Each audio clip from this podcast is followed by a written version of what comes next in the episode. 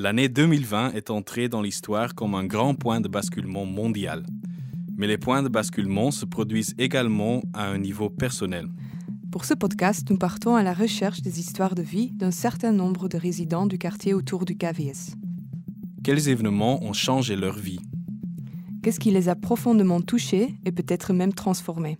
Aujourd'hui, vous entendez l'histoire de Benjamin, directeur du centre de jour Club Antonin Artaud.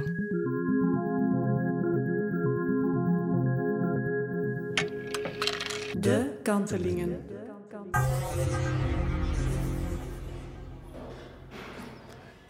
Tu voyais silence, mais moi j'aime bien écouter les bruits euh, dehors. Ici au-dessus, il y a un piano. Je pense souvent à Glenn Gould. Quand Glenn Gould jouait du piano, ce, pianiste canadien, il, allumait l'aspirateur en même temps. on sait que Glenn Gould était un peu schizoïde, hein, mais bon. Euh, il avait son chien, son aspirateur et son piano.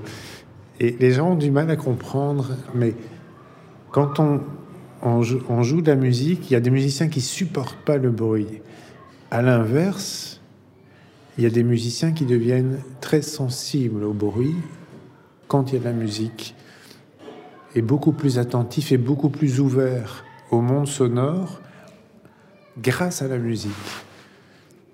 Pour ma part, sans avoir le talent de Glenn Gould, c'est mon cas quand je joue du piano, je viens très attentif au bruit environnant et c'est aussi une des beautés du lieu. Là, voilà, il y a des petits enfants qui jouent dans la neige avec euh, leur papa, j'imagine.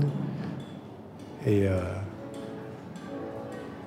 j'aime bien ces bruits.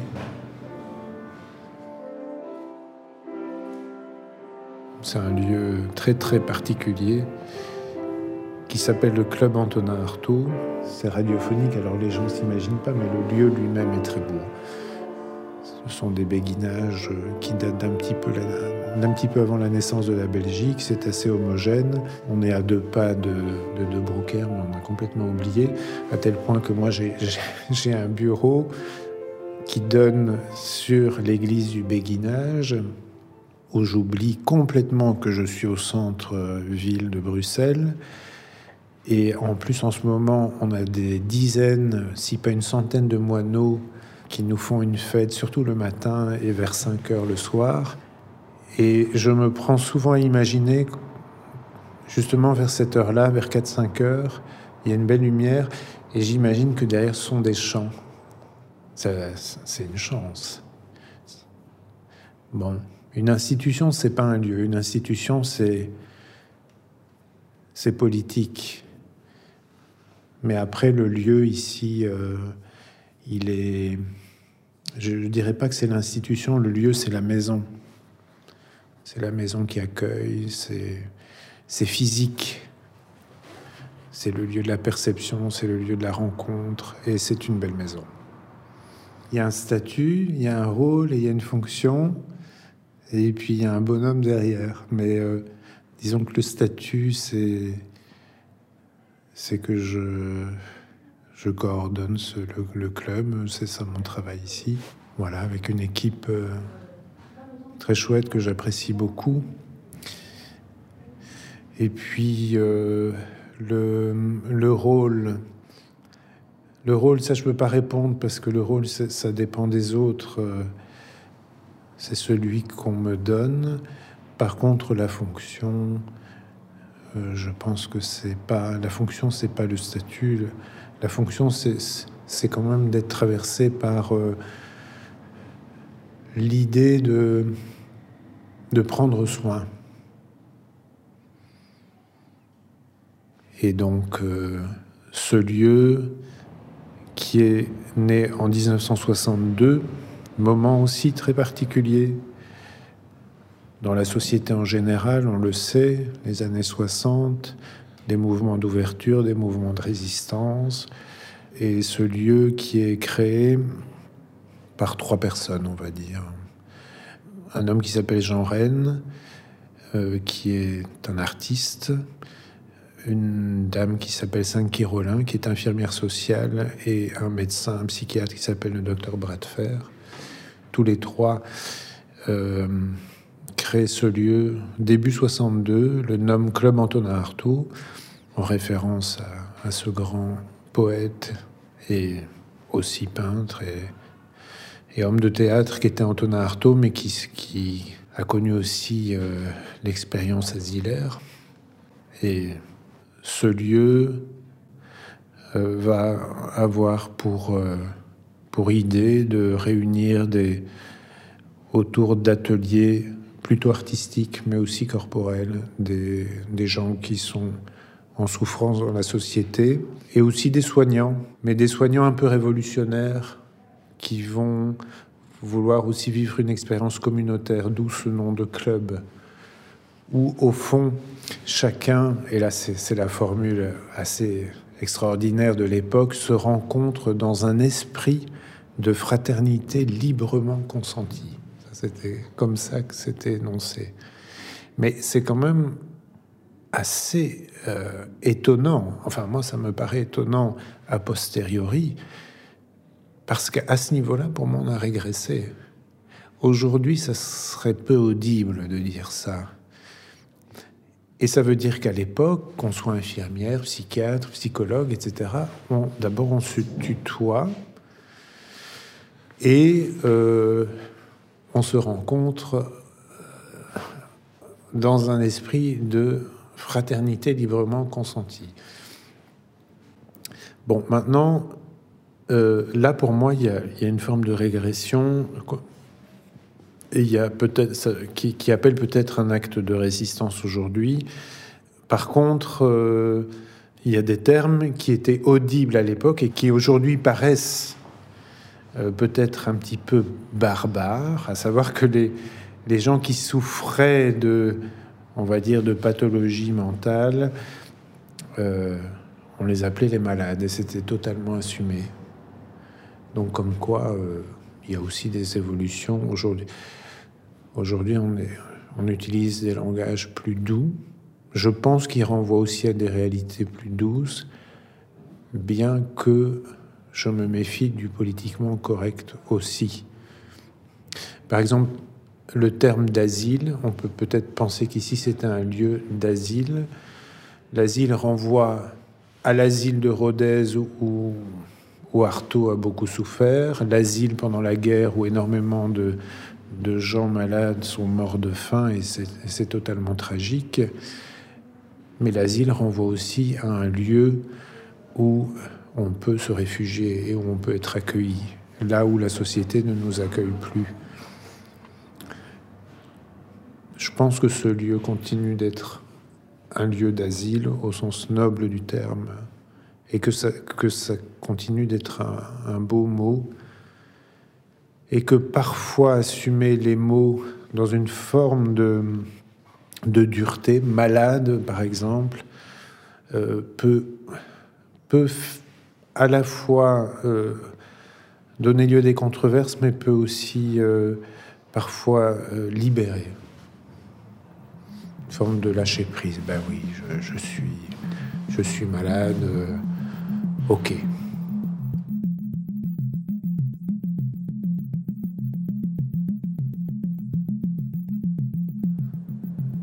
On fait souvent l'histoire, sais pas si vous avez déjà remarqué, on fait souvent l'histoire des lieux psychiatriques en fonction de l'histoire des soignants. Mais je me dis qu'il faudrait faire l'histoire de ce lieu en fonction de ses membres. Et chaque jour ici se passe euh, énormément de choses dans les ateliers, soit parce que les gens deviennent des artistes confirmés, il faut, le dire. C'est là il y a une forme, moi je ressens une forme de nécessité. Euh, je suis pas sûr que on a besoin d'être fou pour créer. Il y a plein d'artistes qui, on peut toujours les juger fous, mais qui ne sont pas si fous que ça. Mais, mais par contre, ici, je ressens une forme de nécessité que je ressens moins si je vais me balader dans une académie, par exemple. Je peux ressentir chez certaines personnes, mais moins de manière. C'est Zara. C'est la. C'est une personne très importante aussi, Zara, dans l'institution. Oui, mais donc euh, ici, oui, une forme de nécessité qui fait que finalement, ben, malgré tout, on voit, beaucoup de belles, euh, productions dans les ateliers, alors que c'est pas du tout le but. On dira pas qu'il n'y a pas de la libre circulation ici. Hein. On est pour la libre circulation. Euh, là aussi, on pourrait en parler longtemps, la libre circulation. Mais donc, euh, toute l'histoire de ces gens, mais aussi les gens qui... Euh, ce qui est important ici, c'est qu'on n'a pas besoin de, produire. On met au ce qui est au centre de cette maison, c'est l'atelier. Et au centre de l'atelier, il y a l'être humain. Il n'y a pas l'œuvre.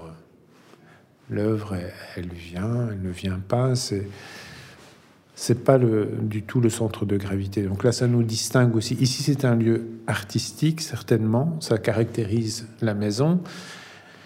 Elle est née d'un projet artistique, mais ça la distingue à la fois euh, de toute autre forme de lieu, en ce sens que euh, il y a une totale liberté, que et que c'est juste le processus, le mouvement de l'acte créateur qui, au fond, qui nous intéresse véritablement. Le reste, on l'accueille, ça vient, ça ne vient pas, c'est pas important. Ça peut juste être important aux yeux d'une personne. Si une personne souhaite être exposée, on, pourra peut-être euh, faire quelque chose. Mais du coup, on peut être ému aussi tout simplement par quelqu'un qui, qui, qui prend tout, qui, qui se présente à l'atelier tridimensionnel et qui, avec deux trois fils, commence euh, un petit bout de quelque chose. Et voilà, c'est partagé euh, une après-midi et pas besoin de plus que ça. L'autre chose que je dirais, c'est que par contre, en tant que psychologue, j'ai suivi pendant longtemps, et ça c'est intéressant, ce que j'aime beaucoup dans ce métier, c'est que je peux connaître des gens pendant longtemps, des longues périodes, euh, c'est-à-dire 5 ans, 6 ans, 10 ans. Et j'ai vu des gens qui n'étaient absolument pas intéressés par les ateliers artistiques, et puis un jour, on ne sait trop comment, croiser le chemin d'un animateur ou d'un autre participant et s'inviter à l'atelier et finalement commencer quand même un, chemin, un chemin du côté de la création, et où là, c'est là où quand même l'œuvre survient, euh, où j'ai vu des, des, débuts d'œuvre naître, et puis, euh, et puis prendre de l'ampleur, et j'irais même jusqu'à dire, j'ai vu des gens se dégrader sur le plan psychologique, mais... Euh, faire des chemins impressionnants, gravir des montagnes sur le plan artistique. C'est questionnant évidemment pour un lieu qui se veut thérapeutique. On voudrait que les deux chemins suivent, comment dire, évoluent en parallèle. On essaie en tout cas d'accompagner les gens dans ce sens-là, mais voilà, c'est pas la vie. La vie est plus complexe. C'est pas toujours comme ça que ça se passe. Oui, ça arrive que les gens aillent euh, moins bien les années passant, la, vie devient de plus en plus difficile. Et en même temps euh, l'œuvre se crée. Et là, il y a un paradoxe, parce que la personne va moins bien, mais elle est aussi reconnue, reconnue par, par son entourage, euh, et peut-être même la société, comme un artiste un, autre paradoxe. Ce, lieu est, plein de paradoxes. On est un lieu qui soigne le lien social. La difficulté, c'est que dans la psychose, ce qu'on nomme la psychose, bon, ça serait à questionner, mais on va, on va simplifier, on va dire que ça se nomme la psychose. Ce qui est mis à mal, c'est justement le lien social pas parce qu'il y a une solitude sociale, hein, parce que les gens sont isolés socialement, mais parce que justement, ils ne sont jamais si seuls que quand ils sont avec les autres. Donc, dire voilà, vous souffrez de ça et on va vous mettre avec les autres, c'est exactement leur proposer ce qui ne va pas. Et pourtant, c'est quand même ce qu'on fait. Sauf que on le sait. C'est déjà une chose importante. Et l'autre chose, c'est que on va le faire dans un esprit collectif. Quand je dis singularité et pas individu, ça veut dire que la psychose est sans doute la forme la plus aboutie de la singularité. C'est une forme de renoncement à Lacan aurait appelé ça le symbolique, c'est-à-dire ce qui une, convention, comme une forme de convention sociale qui fait que on sait que radicalement on ne se comprend pas, mais que dans une, espèce de grand semblant, euh, on croit quand même qu'on se comprend. Et c'est justement ce semblant qui fait que ça marche de manière assez névrosée et quelque part tout à fait folle aussi, mais une forme de folie qui est socialement euh, viable. Mais euh, la personne qui, si je puis dire, fait le choix, même inconscient de la psychose, renonce à ça. Et dans cette forme de radicalité, euh, le prix à payer, c'est l'impossibilité de tout lien social. Preuve en est quelqu'un qui délire véritablement et tout à fait incompréhensible. Pas inintéressant, mais incompréhensible. Alors qu'est-ce qu'on fait? Euh, De ce côté-là, le, médium artistique vient quand même proposer d'autres formes de langage aussi qui, qui permettent de, de déjouer, parce que ce que je dis là, c'est vrai du côté du, du langage verbal, mais là aussi, je pense que les gens se font une idée, le fou délire, mais du coup, délire en peinture, délire dans... Mais c'est faux, ça. C'est quelque chose que j'ai découvert ici. On peut, on peut être totalement délirant dans le langage verbal et dans une forme sans doute de pensée verbale et être un peintre tout à fait non délirant.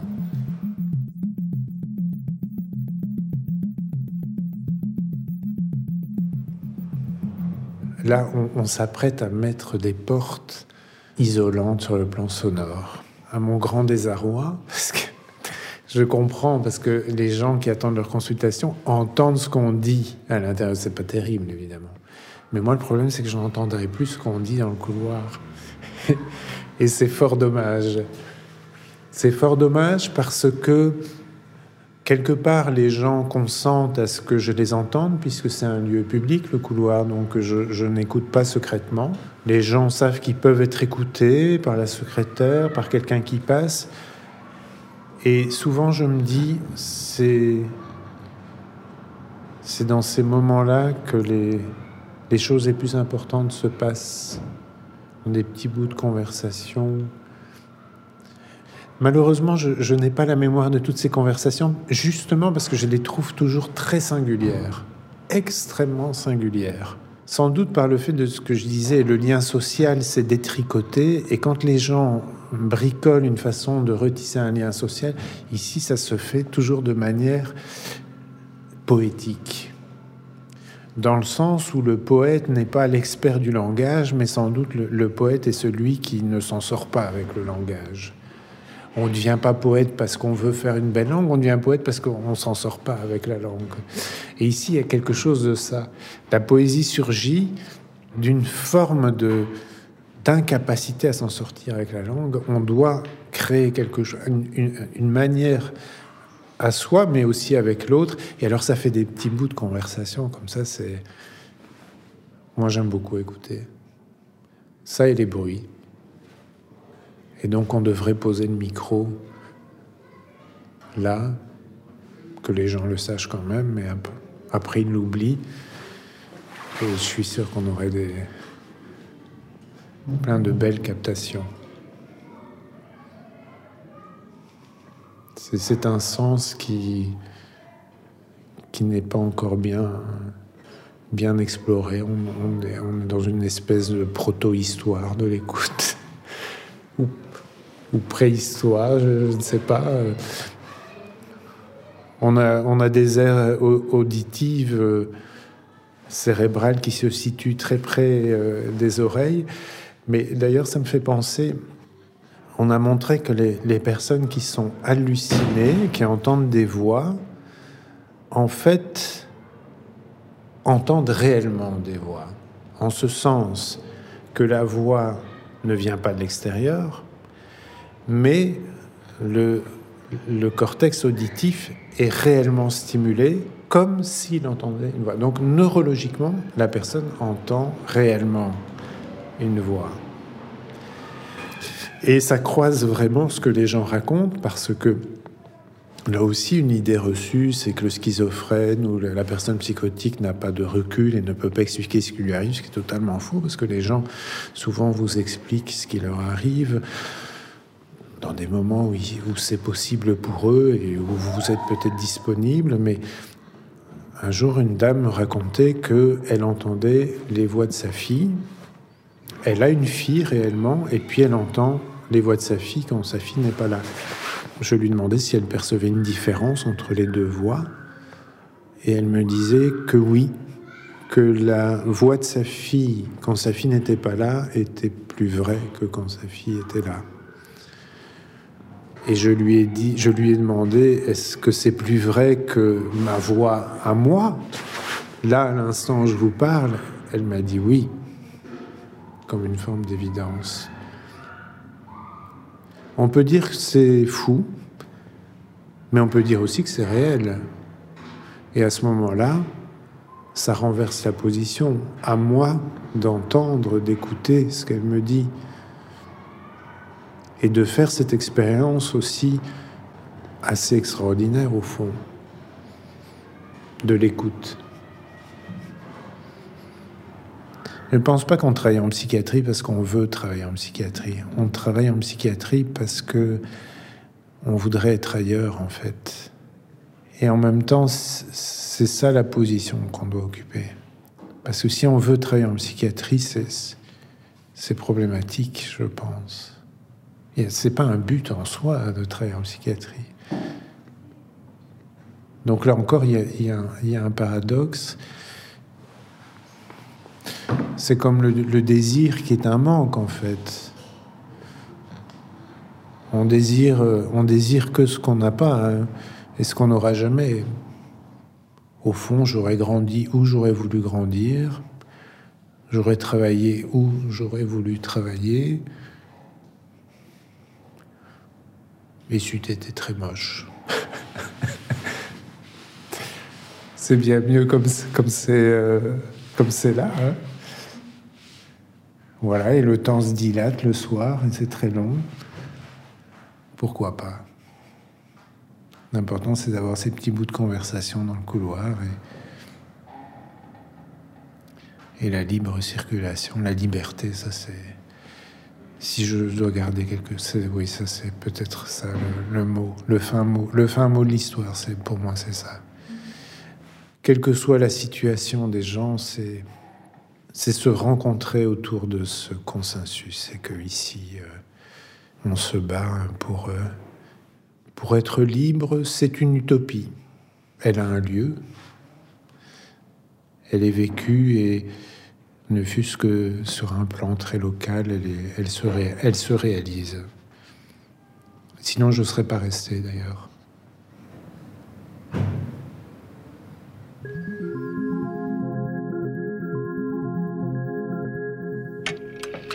De Kantelingen.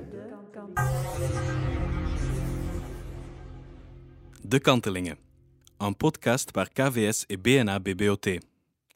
Concept par Delphine Somers. Enregistrement sonore et montage par Flavien Gillier, Omar Hobo et Ruby Bernabeu Plaus. Identité visuelle par Sophie Ung et Delphine Somers.